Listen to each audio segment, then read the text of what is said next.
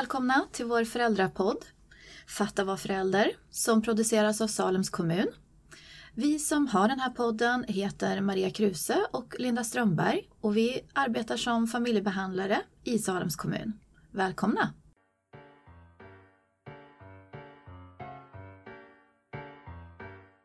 Hej Maria! Hej Linda! Då var det dags. Idag ska vi prata om stress. Just det. Föräldrars stress och barns stress, någonting som vi möter ganska ofta i vårt jobb. Som ställer till det i många familjer, Ja. dessvärre. Det här klassiska livspusslet och man kan väl säga att under de åren som jag har jobbat som familjebehandlare så har inte den stressen minskat utan jag upplever nog att vi lever i en tid som går snabbare och snabbare. Absolut. Så därför känns det här ämnet extra aktuellt att prata om. Det gör det, för det påverkar oss här och nu och det påverkar oss även långsiktigt. Och i värsta fall så leder det ju till ohälsa faktiskt. Men vi har ju också fått in en fråga faktiskt Mm. från en förälder här eh, som undrar lite grann faktiskt just kring det här stress som hade hört att vi skulle ha det här avsnittet Mm. och som beskrev att hennes sjuåriga flicka ofta blev ganska ängslig och stressad upplevde hon när de skulle göra saker just vid förändringar. Och hon tyckte att det här var jättesvårt för att hon beskrev också då för mig att det här var hon upplever inte sig själv som speciellt stressad. Men hon tycker det är svårt att veta hur hon ska lugna sin flicka. För att det, och det kan vara alltifrån att de ska åka och, och fika hos mormor och morfar eller åka och handla ett par skor.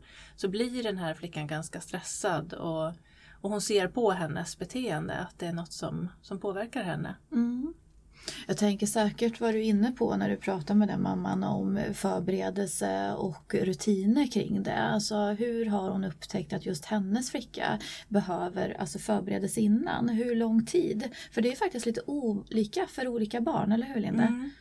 Det alltså, kan vara allt ifrån att en del barn måste ha, upptäcker föräldrar, förberedelse för händelser oavsett om det är roliga saker eller helt nya saker som de kanske har lite motstånd till eller upplever oro kring. Så en del behöver alltså flera veckor i förväg. Andra behöver som alltså, tidigast en dag innan. För annars så upptar all liksom, oro kring den här tiden och det blir tjat om när ska det hända, när ska det hända. Så att det blir liksom nästan eskalerande. Just det. Men så jag tänker att det är en viktig aspekt ändå att ha med sig. Alltså klura ut på vilket sätt behöver min barn, mitt barn förberedelse och hur lång tid i förväg. Just det, för jag tänker också att stress hänger ju ofta ihop med oro kan ju Ja. vi märka. Och, och där kan väl jag ibland hamna i det här att det är svårt också att tipsa föräldrar. För en del föräldrar vill ju som du säger, alltså ditt tips här nu kring förberedelser, att ta bort så mycket som möjligt stress och få så mycket kontroll som möjligt. Samtidigt som en del av livet är ju det här att vi inte kan förbereda allting Ja. utan helt plötsligt händer det någonting. Absolut. Och det där tycker jag själv är ganska svårt att veta som förälder och när man ska hjälpa andra föräldrar vidare. Att det är inte helt lätt att veta vilken väg man ska gå. Om du förstår vad jag menar. Att ska man antingen liksom undanröja allt eller ska man tvärtom lära barnen att livet består av massa oförutsedda händelser Mm. och stress och mer hur hanterar man det? Ja, och där är vi ju viktiga som förebild. Alltså precis som du var inne på kanske med den här mamman som inte upplevde sig själv som stressad. Men ändå ta, försöka ta en titt på det. Hur alltså, agerar jag när det handlar om oförutsedda händelser? Eller när det inte blir som jag tänkt mig trots att jag faktiskt har planerat kanske jättelänge. Hur hanterar jag det? För där är vi ju en jättetydlig förebild för våra barn. Och det är viktigt för barnen att kunna iaktta oss då och känna att vi är så att säga äkta och närvarande. Att allt vi signalerar med kroppsspråk, med de ord vi säger, med den mimik och den ton vi har, det ska stämma överens för att barnet då ska klara av att hantera så att säga, sin egen oro eller stress om man har svårt med övergångar eller ja, oförutsedda saker. Just det, där kanske man kan be sin partner om Mm. att faktiskt observera den, tänker jag. För det är som du säger, ibland ser man ju inte själv hur ens kroppsspråk förändras eller ens tonläge. Eller... Och det där kan ju vara lite bra och det är något vi ofta pratar om i vårt jobb också, att titta lite efter olika triggers. Vad är det som triggar just mig? Precis. Är det när jag kommer hem? Vet jag att det är en lite riskzon när jag kommer hem från jobbet? Är trött? Jag kanske reagerar extra starkt på den där ryggsäcken som ligger precis i hallen och skorna som jag ramlar över när jag går in. Och då behöver jag kanske förbereda mig själv också som du säger kring stress. Faktiskt. Och som du säger, var lite nyfiken på hur ändras mitt kroppsspråk? För ofta blir vi kanske lite snabbare i våra rörelser. Det brukar vara spännande att fråga barn tycker jag när jag träffar barn i samtal. De har ju järnkoll på ja, sånt. då brukar jag Ja. fråga hur, hur, vad händer med mamman när hon är stressad? Mm. Och de kan ju beskriva det exakt bättre oftast än föräldrarna själva. De vet inte om vad de signalerar men det är ofta, ja, men hon blir mycket snabbare i rörelserna. Mm. Det händer något med blicken. Får en annan ton Ja. i rösten. Absolut. Och det där, ja, barnen har jätte, jättebra koll på sånt och naturligtvis påverkar det då jättemycket vad som händer. Vi är ju i relation hela tiden och vi påverkar mer än vad vi tror. Mm.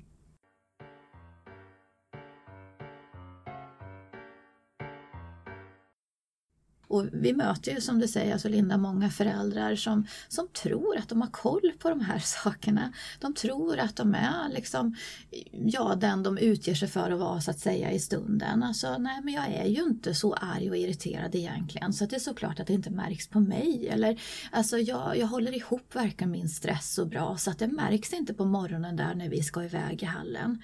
Men barnen, märker ju det. De har ett större signalsystem för det där än vad, vad vi faktiskt är bekväma med skulle jag vilja säga många gånger.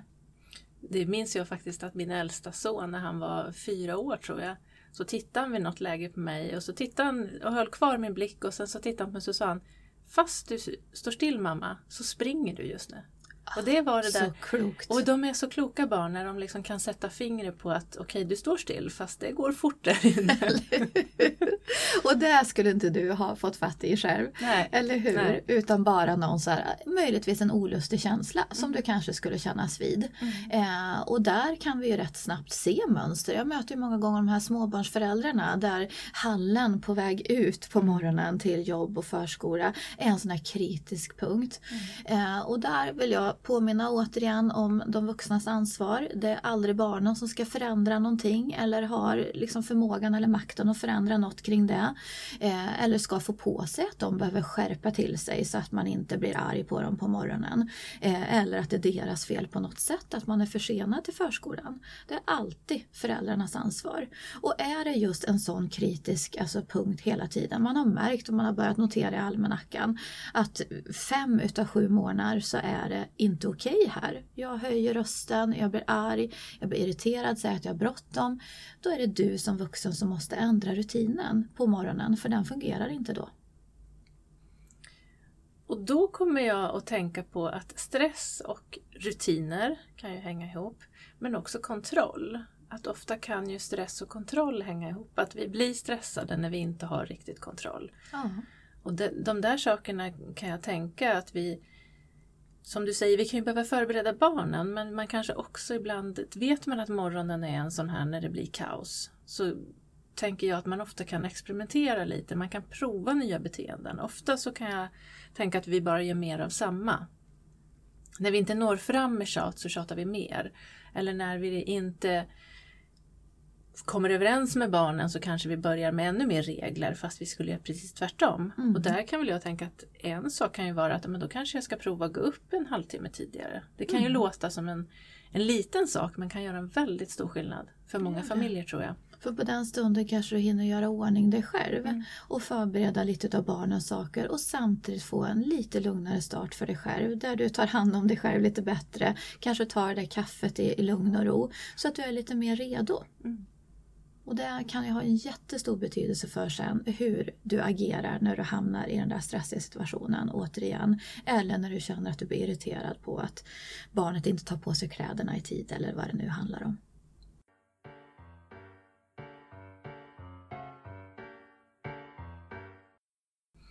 Och då associerar jag till en sak som vi brukar ta upp, i har tagit upp i andra avsnitt också som handlar om tid. Ja, Där jag vet att vid många situationer när mina barn var små och man stod där i hallen och försökte få på den här ja, överdragsbyxorna och de skrek och som ville är inte. livsviktiga att få på. Ja. Mm. Och då vet jag att det var någon klok människa som hade tipsat mig om att men när du känner att stressen går upp och du hamnar i det där att tonen blir hårdare. Barnen känner ju av det och vägrar ju ännu mer då att klä på sig. Oh, ja. Men då vet jag att jag hade fått tipset att prova och bara gå iväg en liten stund. Låt barnen få ett litet utrymme för när vi hamnar i den här maktkampen, den, eh, den brukar ju barnen vinna och de brukar gå in i maktkamper. Mm. Men att bara kanske gå ut i köket, låtsas som att man hade något ärende dit, andas lite och faktiskt ge barnet en chans att börja ta på sig själv. Så att jag tänker att tid kan ju vara en sak också, för det vet vi ju att när vi är stressade då, då funkar vi inte riktigt, vi tänker inte riktigt klart. Och på något konstigt sätt så tycks klockan gå fortare då. Ja, Så vi tjänar faktiskt tid många gånger på att göra den där pausen. Eh, där vi faktiskt då ja, samlar oss lite, lugnar ner oss istället för att det blir en stor konflikt. mm. Och framförallt alltså riskerar att skada relationen. ja. Ja, så att dra ner på tempot kanske, för då brukar vi tänka lite bättre också. Och det, Ja. det vet jag också att vi har faktiskt en klok handledare till oss som har sagt att när, när ni har väldigt bråttom, då måste ni ta det väldigt, väldigt lugnt om ni ska komma fram. Och den är- Nästan provocerande Ja. men det ligger jättemycket i det. Jag tänkte också på, alltså innan man har hamnat där kanske att man behöver en liten time-out för sig själv bara för att, så att säga, samla sig och orka liksom, ta nya tag och inte låta det gå ut över barnen. Eh, så kan också en grej vara att man sätter sig ner. Mm. Helt sonika. För många gånger är vi också sådana när vi är igång och när vi börjar att bygga upp en irritation eller ja, känner att vi håller på att tappa kontrollen. Att vi springer runt ännu mer så att säga. Och vi kanske drar lite extra hårt i, i barnen för att de ska komma med eller vad det nu är, eller liksom res dig upp eller så. Försök att bara sätta dig ner. Lugna ner hela systemet och samtidigt blir ju den vinsten då att du kommer på barnens nivå. Du är inte den som står över dem och försöker att liksom, så att säga, toppstyra. Utan du är ner på deras nivå, ni får kontakt. Helt plötsligt så blir det inte den här maktkampen i fokus utan barnet vill visa dig att man fixar och sätta på sig eh, överdragelserna själv för det hade man ju faktiskt lärt sig igår. Eller vad det nu handlar om. Och det där bör vi få syn på Just det. Bra tips. så vi uppmärksammar rätt saker.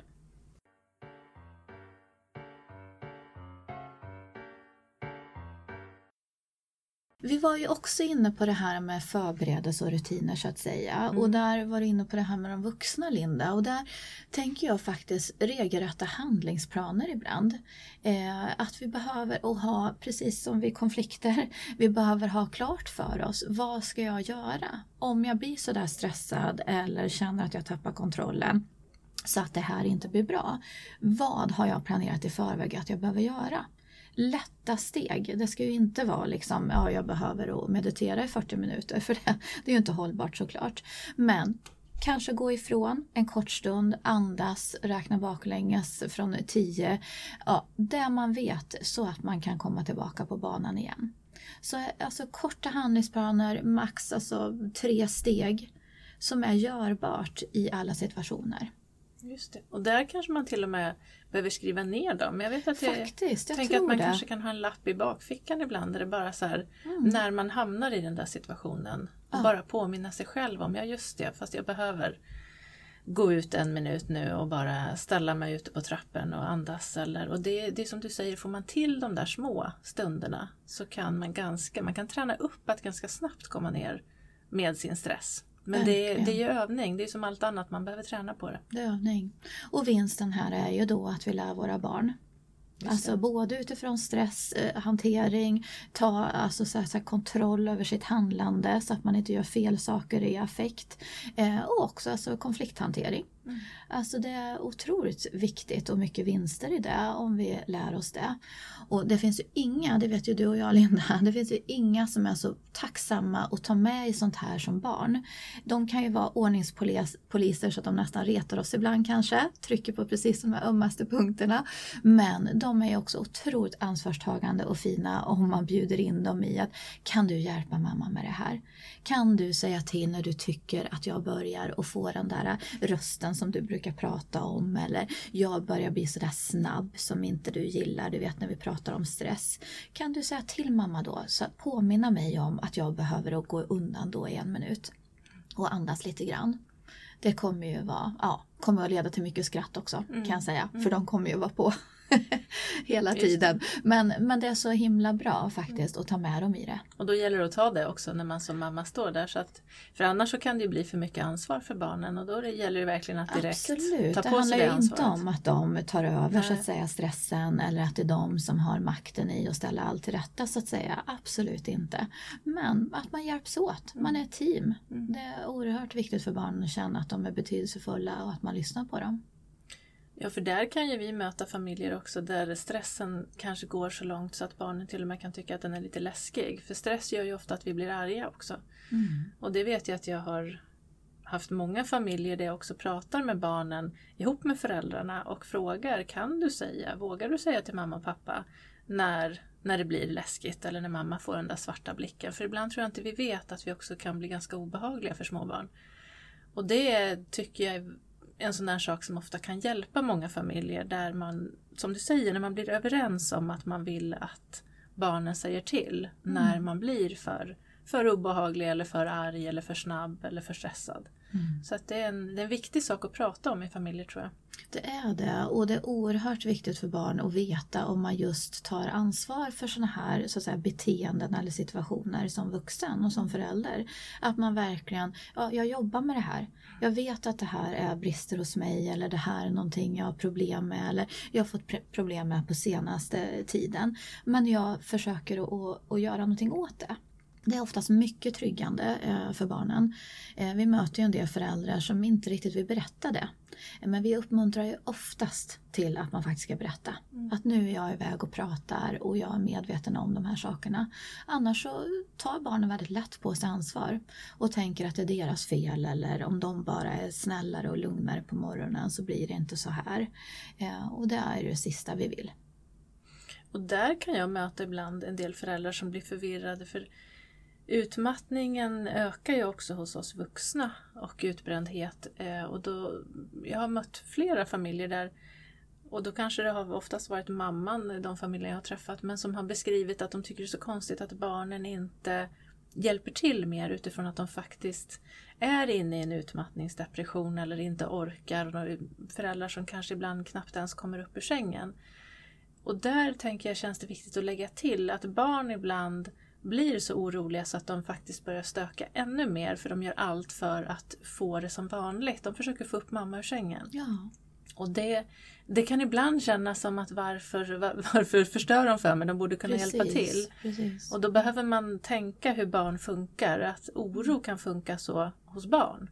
Att de gör det enda de kan. Att de försöker, de försöker få det som vanligt och de förstår inte riktigt. Och då som du säger Maria är det viktigt att sätta ord på det. Det är Vad det. är det som händer med en?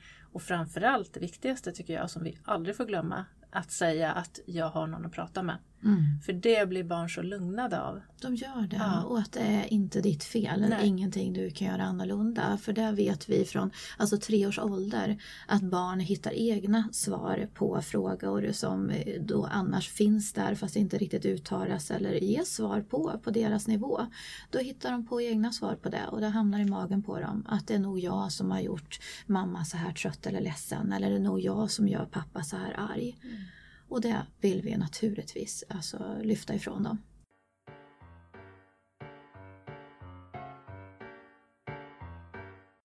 Jag tänker också att vi kan prata om lite äldre barn som faktiskt eh, själva börjar att få symptom på den här stressen. Mm. Vi ser ju att det kryper ner lite i åldrarna. Vi träffar barn kanske redan 10-12 års åldern som på olika sätt börjar uppvisa ibland stresssymptom Mm. som är ganska oroande. Och där kan det ofta handla om skolan. Det kan handla om prestation generellt.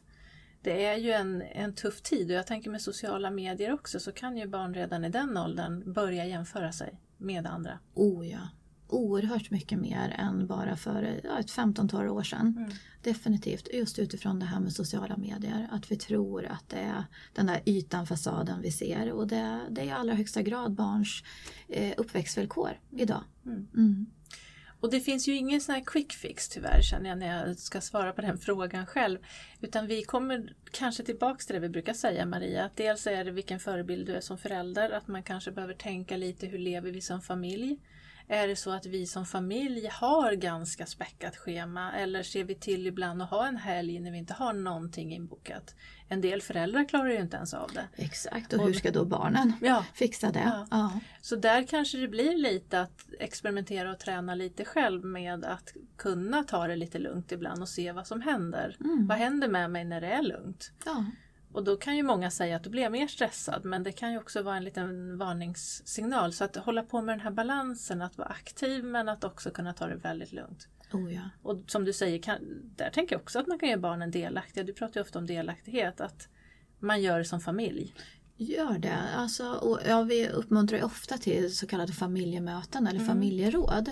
Som man kan ha både på en regelbunden basis en gång i veckan när det passar hela familjen. Och då ska alltså allt från bebis till tonåring samlas tillsammans med föräldrar. Där man går igenom veckan eller hur det ser ut och vad man vill göra och så. Men man kan också ha det som ett mer för, ja, familjeråd. När det kommer till exempelvis sommaren som vi pratade om här för något avsnitt sedan. Eh, vad vill barnen göra? Vad är deras förväntningar på sommaren? Och då kan vi verkligen få fatt i återigen de här kloka individerna som inte tänker den där ja, jämförelsesemestern med någon annan. Utan ja, jag vill bara vara hemma eller jag vill leka med min granne. Eh, och hjälpa till och bromsa upp det här ekorrhjulet då lite grann. Minst sagt. Ja, och prova sig fram som du säger. Man kan, man kan se hur det känns i kroppen. För det är något man vill lära sina barn tror jag, och om vi pratar om stress som vi pratar om det här avsnittet, att det, det första tänker jag, det är att lära sig att känna igen sin, sina kroppssignaler. Och det behöver barn tränas i också. Så att vi kanske som föräldrar istället för att bara vägleda dem hur de ska göra, börjar med att fråga hur känns det? Känns det så, alltså hur, hur blir du stressad? Vill du gå på den här träningen? Orkar du? Hur känns det om du hoppar över en gång? Att hålla på och prova lite själv som barn och få känna att nej men nu var det skönt att säga nej till den där kompisen eller det var skönt att hoppa över den där träningen. För jag tänker också att vi är ju ofta duktiga föräldrar som vill att barnen ska, menar, är man med i fotbollslaget då ska man spela Ja, alla matcher om man absolut. inte är skadad eller Mm. man ska minsann göra sitt bästa i skolan. Kan man få bättre betyg så varför ska man inte göra det? Mm. Och där kanske man behöver vara lite självkritisk och tänka att har ja, det här varit något bra för mig genom livet? Ja. Eller är det dags att ändra nu efter 45 år kanske? Eh, och ifrågasätta det där. Mm. Behöver jag alltså få den här bekräftelsen på att jag är så duktig eller att jag presterar hela tiden? Eller duger det bra som det är? Mm. När jag bara ligger kanske och läser en bok eller tittar upp på molnen i himlen som man gjorde någon gång när man var barn. Mm. Mm. Ja, det är en jätteviktig aspekt utav det. Allt vad det gäller stress. Och just det här som du poängterar tycker jag med barn kopplat till stress, alltså hör ju jättemycket ihop med prestationsångest. Eh, och- prestation liksom i allt. Och där är det ju viktigt att vi är observanta på och försöker hjälpa våra barn så gott det går med. För de är ju definitivt inte mer älskade för att de presterar. Nej. Men det här behöver de ständigt påminnas om. Ja, och framförallt tror jag att man lär barn och sig själv att kunna välja när vi vill prestera. Men vi kan också behöva välja när vi lägger oss på en lägre nivå än vad vi skulle kunna ligga Ja. på. Och det där är ju, jag vet att jag har haft barn i samtal som har varit de här riktigt duktiga barnen som vill ha alla rätt på provet och som kanske har svårt att sova natten innan de har ett stort prov och så är ledsna.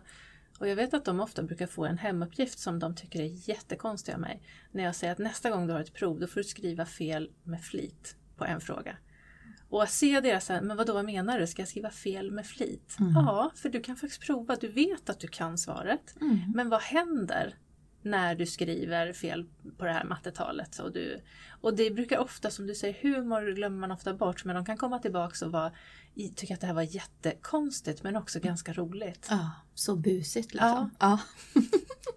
ja. Så man behöver hålla prestationen lite, liksom, Mm. lite på avstånd och veta Ja. i alla fall hur man kan hantera den. Absolut. Är det någon som man ska bjuda upp till kamp eh, till ibland så är det just den här prestationsångest och Mm. duktigheten. För vem skull är man duktig? Mm. Mm.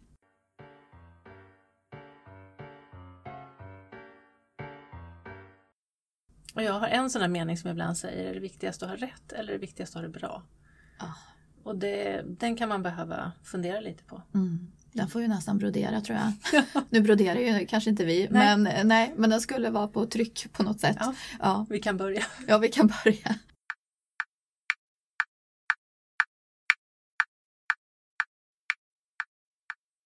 Jag tror att jag börjar då. då. Okej. Mm. Mm. Jag tar den första. Och nu märker jag ju efter några avsnitt att det verkar som att man kommer tillbaks till samma. Men humorn blir min första. Mm. Att ha skrattet, för är det någonting som stress och prestation och kontroll tror jag... Ja, jag tror skratt kan få bort ganska mycket av det där och humor.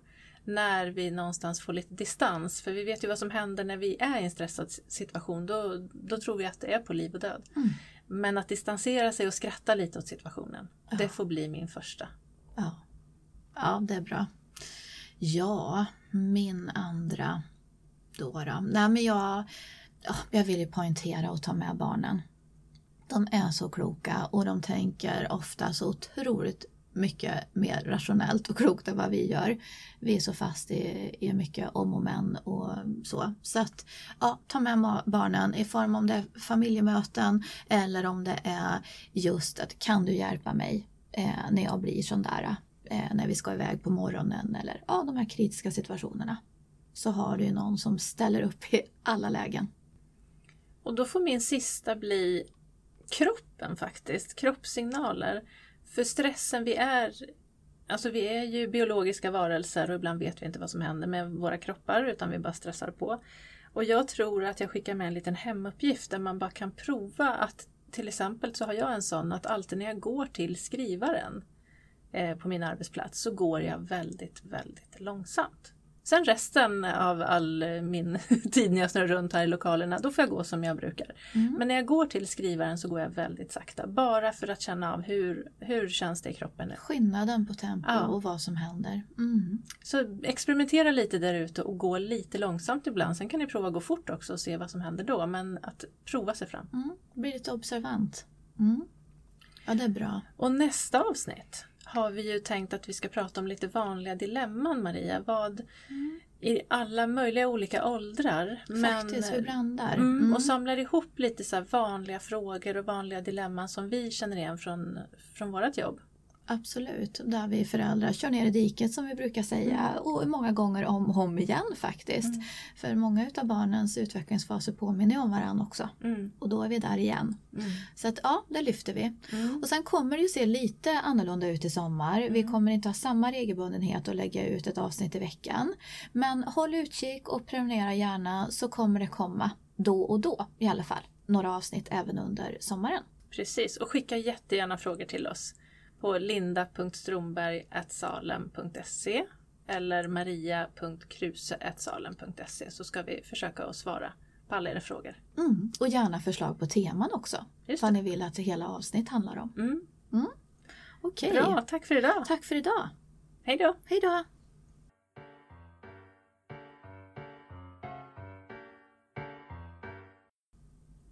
Fatta att vara förälder är en föräldrapodd som produceras av Salems kommun. Och musiken som ni hör är hämtad från www.freemusicarchive.org och heter Coffee.